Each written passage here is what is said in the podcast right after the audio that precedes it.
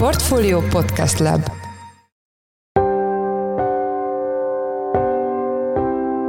Mindenkit üdvözlünk, sziasztok! Ez a Checklist a Portfolio podcastje december 19-én kedden. Az adás első részében a 2024-es GDP növekedési kilátásokról lesz szó. A kérdés, hogy vajon a belső fogyasztás és a beruházások képesek lesznek-e pörgetni a gazdaságot. Mi azt látjuk, hogy kedvezőtlenebb esetben egy kettő és cél, optimistább verzióban pedig egy kb. 3,5 százalékos éves szintű fogyasztás bővülés lehetőség lehetősége van benne a magyar gazdaságban 2024-ben.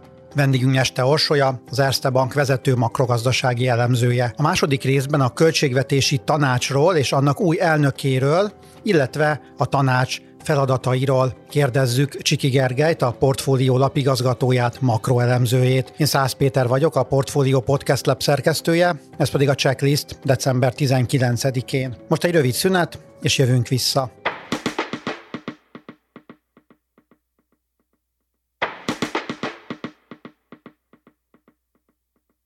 Most már egyre inkább körvonalazódik az, hogy a magyar gazdaság, a magyar GDP 2023 egészében csökkenni fog, negatív lesz az előjele. A 2024-es várható növekedéssel kapcsolatban még mindig nem látunk azonban tisztán Például az egyik kérdés, hogy a belső fogyasztás képes lesz-e pörgetni a gazdaságot, ezt a növekedést, illetve hogy a beruházások fellendülnek-e.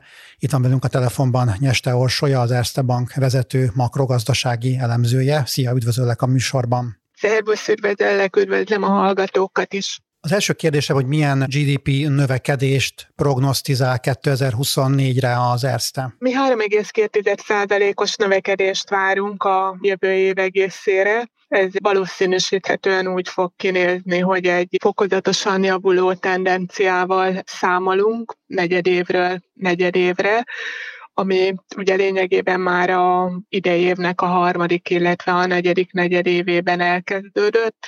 Tehát ugye a nagy kép az, hogy van mögöttünk egy vártnál hosszabb ideig tartó recessziós időszak, és ebből a kedvezőtlen időszakból az idei év harmadik negyedévében elkezdett kilábalni a magyar gazdaság, és úgy gondoljuk, hogy ez a kilábalás ez nem egy gyors felpattanás lesz, tehát nem egy nagyon-nagyon látványos GDP javulásra számítunk az előttünk álló negyedévekben, hanem inkább egy ilyen lassú, fokozatos magához térését a gazdaságnak. De amit nagyon-nagyon fontosnak tartunk hangsúlyozni, hogy 2024-ben várhatóan a növekedés egy jóval kiegyensúlyozottabb szerkezetben fog megvalósulni, Ugye az idei évben 2023-ban a belső keresleti elemek, a fogyasztás és a beruházások nagyon jelentősen visszaestek, és emiatt a növekedéshez való hozzájárulásuk mélyen negatív volt, Ugyanakkor ugye a nettó export az a pozitív növekedési hozzájárulása révén meg tudta akadályozni, hogy az általunk várt 0,6%-nál is nagyobb mértékben essen vissza a gazdaság. 2024-ben viszont úgy gondoljuk, hogy a belső keresleti tényezőknek a hozzájárulása a növekedéshez jóval kedvezőbb lesz, jóval nagyobb lesz, és a nettó exportnak a növekedéshez való hozzájárulása, az valószínűleg marad a pozitív tartományban, de jóval visszafogottabb, jóval mérsékeltebb lesz. Tehát akkor azt várjátok, hogy ez a jelenleg látható 10, illetve 15 százalékos növekedés a minimálbér és a garantált bérminimum esetében.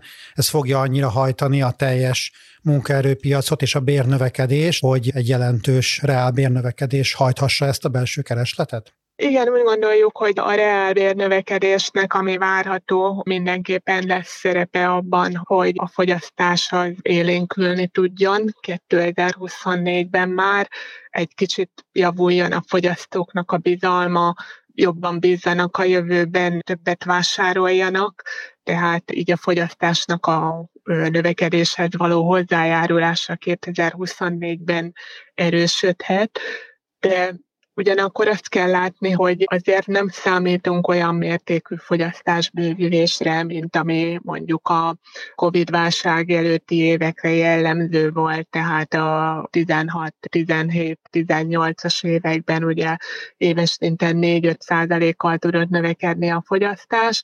Most ugye csak ahhoz képest várunk javulást, ami lehet, hogy látványosnak tűnik majd, hogy ugye az idei évben a fogyasztás lendülete azért nagyon-nagyon jelentősen megtört, elsősorban ugye a magas inflációnak köszönhetően, és az ebből eredő reálbérvesztésnek köszönhetően. Viszont ugye magára a fogyasztás bővülésére is nagyon-nagyon nehéz pontos előrejelzést adni. Mi azt látjuk, hogy kedvezőtlenebb esetben egy kettő és fél, optimistább verzióban pedig egy körülbelül három és fél százalékos éves szintű fogyasztás bővülés lehetősége van benne a magyar gazdaságban 2024-ben és aztán, hogy végül is a, az optimistább vagy a pessimistább verzió valósul meg, azt nagyon nehéz egyelőre látni. Ugye számos elemtől függ majd, például milyen ütemben javul a fogyasztóknak a még mindig mély ponton, vagy, vagy alacsony szinten lévő bizalma, hogyan alakulnak a megtakarítások, és hát ugye legfőképpen attól, hogy végül is erre a reálbér növekedésre vonatkozó várakozásaink, ezek igazolódnak-e, vagy sem, hiszen azért ez sem lehető még száz biztosra. Szerinted a lakossági kamatstop kivezetése az visszafoghatja majd a fogyasztást, tehát tarthatnak-e attól az emberek, hogy egyszerűen másra kell tartalékolniuk, ahelyett, hogy mondjuk a boltokban költenék el a pénzüket? De erre vonatkozóan azért az MNB szerencsére végzett számításokat, nem, nem egészen tapogatódzunk a sötétben a lakossági kamatstop kapcsán, de ők a novemberben publikált stabilitási jelentésben írták le, hogy a fennálló jelzálog hitelállomány 21%-át érinti a, a jelzálog hitelekre, illetve a változó kamatozású jelzálog hitelekre vonatkozó kamatstop. Ez 300 ezer szerződés, ebből 77 ezer szerződés sérülékeny a jegybanki elemzők szerint, és ugye a sérülékeny szerződések esetében nyilván lehet arra számítani, hogy itt esetleg a háztartások, akiket ez érint, inkább az óvatossági motivumoknak megfelelően cselekednek, és nem nagyon fogyasztanak, készülnek a kamatstop eltörlésére. Tehát szerintem megfordulhat a fejünkben, hogy a kamatstop eltörlésének lehet fogyasztás lassító hatása, és hát ugye valószínűleg ez is az oka annak, hogy ismét meghosszabbításra került ez az intézkedés 2024. július 1 Viszont ugye, hogyha az infláció csökkenése folytatódik, és a magyar kockázati megítélésben sem következik be különösebb romlás, akkor ez azt is jelentené, hogy azért 2024. július 1 még érdemben tudja csökkenteni a jegybank a monetáris kondíciókat, még alacsonyabb lesz az elkövetkező fél évben a kamatkörnyezet, ez viszont azt jelenteni, hogy ha alacsonyabb a piaci kamatszint, akkor a kamatstoppos hitelek egyre nagyobb része kerülhet ki a sérülékeny kategóriából. Tehát ebből a szempontból én úgy gondolom, hogy a kamatstopnak a meghosszabbítása és a korábban gondoltnál későbbi kivezetése talán talán inkább ezt a forgatókönyvet támogathatja, hogy nem biztos, hogy emiatt érdemben romlani fognak a fogyasztás bővülésének lehetőségei. Hát meglátjuk. Ha már kamatokról beszélünk, és kamatkörnyezetről, akkor szerinted a beruházások mennyire lendülhetnek fel 2024-ben, és ez mennyire hajthatja a gazdaságot? Ugye 2023 a beruházásoknak kifejezetten rossz éve volt, de nem kizárt, hogy hát még a negyedik negyedéves adatokat nem látjuk, de ott, ott ugye a negyedik negyed évben azért már kicsit jobbak lehetnek a számok, de, de én úgy gondolom, hogy a harmadik negyedéves beruházás visszaesés az negatív meglepetés volt, tehát nem kizárt, hogy emiatt az év egészében is két számjegyű ütemben a beruházások, ez ugye nagyon kedvezőtlen, hiszen azért voltak kormányzati törekvések, vagy vannak is kormányzati törekvések, amik ugye mindenféle kedvezményes hitelprogramokon keresztül próbálták ezt a visszaesést fékezni. Javulást várunk ehhez képest 2024-ben, Ugye ennek az az oka, hogy a kamatkörnyezet azért normalizálódhat, 2023-ban rendkívül extrém, rendkívül magas kamatkörnyezetben operált a magyar gazdaság, ahol valószínűleg a vállalatoknak is sokkal inkább célszerűnek mutatkozott a, a meglévő pénzállományokat bankbetétekben kamatoztatni, mint sem új beruházási lehetőségeken gondolkodni. Hát bízunk abban, hogy ez a környezet azért 2024-re változik, sokkal normalizáltabb, sokkal támogatóbb lehet a kamatkörnyezet, és ugye megmaradnak azért valószínűleg a támogatott hitelprogramok is, tehát valószínűleg már pozitívba kerül a beruházási ráta, tehát ismét nőni tudnak a beruházások éves szinten 2024-ben. Nagy áttörést azonban nem várunk, tehát szerintünk nem lesz két számjegyű beruházás bővülés, egy 3-5 százalékos beruházás növekedést tartunk most el egy valószínűbb forgatókönyvnek, és még itt a beruházások kapcsán ugye mindenképpen érdemes megjegyezni, hogy most ugye az EU pénzekről már érkeztek pozitív hírek, a kohéziós források egy része úgy néz ki, hogy fel tud szabadulni, ugye sok függ attól, hogy ezek a pénzek, ezek a források milyen ütemben érkeznek meg jövőre a magyar gazdaságba, mennyire tudnak hozzájárulni a, a, a beruházásoknak a újraépüléséhez.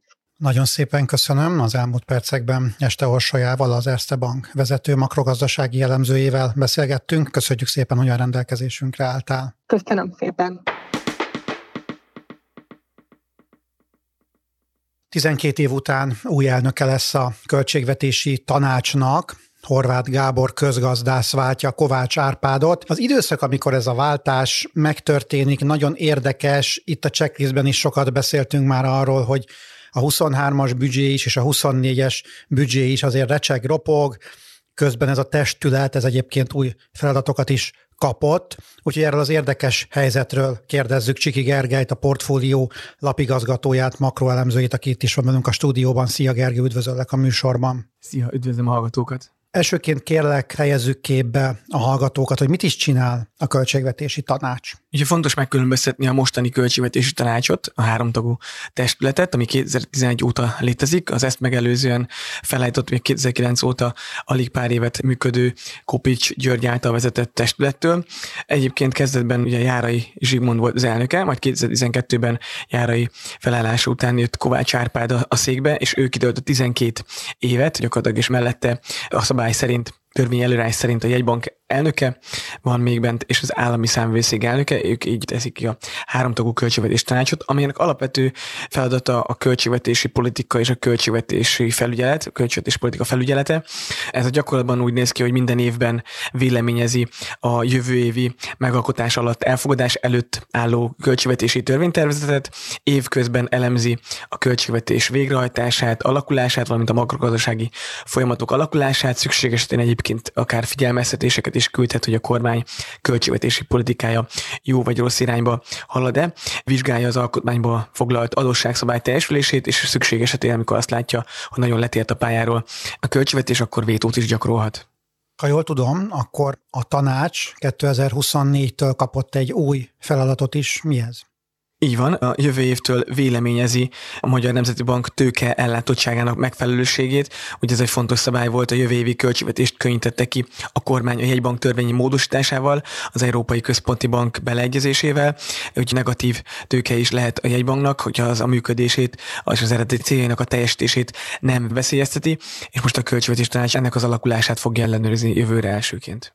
Mit kell tudni Horváth Gáborról, a tanács új elnökéről, vezetőjéről? A múlt heti kinevezése kiderült az önnetrajzából, hogy egy kockázatkezelési bankvilágból érkező szakember, aki 20 éve foglalkozik ezzel a területtel, van tapasztalata makrogazdasági elemzésekkel, bankcsoport irányítással, vagyonkezeléssel, banki átvilágítás területén, és egyébként jól ismeri a régiós gazdaságnak a, a kilátását, tehát azt mondhatjuk, egy, egy fiatalabb Kovács Árpád az mindenképpen közgazdász érkezik a pozícióba. Érdemes azt megjegyezni, hogy mi Horváth Gábornak a háttere, hogy a közgázon végzett még pont abban az időszakban egyébként, amikor feltételezhetően Novák Katalin férje is, és együtt járt egyébként a köztársaság elnök asszonyjal egyetemre, sőt ugyanabba a diák szervezetbe is tag volt, mint Horváth Gábor, mint pedig Novák Katalin, valami Novák Katalin férje. Ide vezethető vissza a, a kapcsolat is, valamint Novák Katalin tavaly már bejelentette egy családpárti alapítvány megalakítását, és itt is felfedezhető Horváth Gábor a felügyelőbizottság tagjaként. Nagyon sokat beszéltünk már itt a checklistben a költségvetés kihívásairól, úgyhogy nagyon nagy újdonságot nem kérdezek. Milyen kihívásokkal találkozhat az új elnök 2024-ben? Már akár az is felvetődött, hogy az idei költségvetés hiánycél teljesül-e. Ezzel kapcsolatban bármilyen véleményt megfogalmaz akár a következő hetekben, hónapokban a költségvetési tanács, de ami a legizgalmasabb lesz az a 2024-es költségvetés, ugyanis már most látható, hogy jelentős elszállásban van, ha így marad a makropája és a különböző feltételezések szerint akár 5% is lehet a költségvetés hiánya, szemben egyébként a jövő évi 2,9%-os hivatalos hiánycéllal szemben, és nagyon érdekes lesz látni, hogy ebben a Matrixban ugye újonnan új szereplőként belépve hogyan fogja megtalálni a szerepét. Ugye ne felejtsük el, itt a háromtagú költségvetés tanácsról van szó, amelyben egy bankelnökként Matolcsi György is jelen van, valamint állami számvőszék elnöke Vindis László. Hogy az elmúlt egy-másfél évben a Matolcsi György és a kormány gazdaságpolitikai közötti viták beszűrődtek már ebbe a, már ebbe a testületbe is. Egy évvel ezelőtt kemény hangú és figyelmeztető szövegű véleményt is kiadott a költségvetés tanács, de jelzésértékű volt az is, hogy egy évvel ezelőtt Matolcsi György a KT tagjaként nem írta alá a költségvetés tanács dokumentumait. Köszönjük szépen Csiki Gergelyel, a portfólió lapigazgatójával, makroelemzőjével beszélgettünk az új költségvetési tanácsról, illetve annak elnökéről. Köszönjük, hogy a rendelkezésünkre álltál. Köszönöm szépen.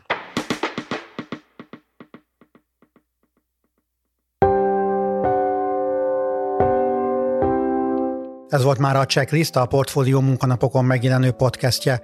Ha tetszett a műsor, és még nem tetted volna, akkor iratkozz fel a Portfolio Checklist podcast csatornájára valamelyik nagyobb platformon, ahol jellemzően podcastokat szoktál hallgatni.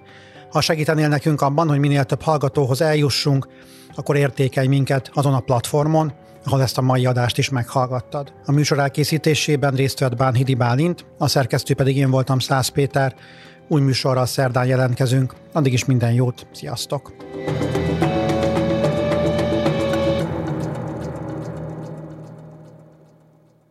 Reklám következik.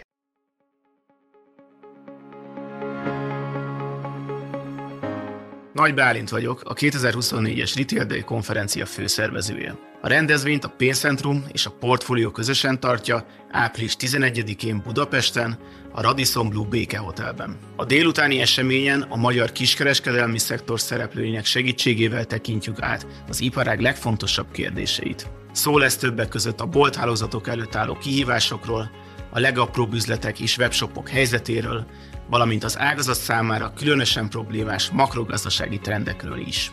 Jöjjön el ön is, további részletek és jegyvásárlás a portfolio.hu per rendezvény oldalon.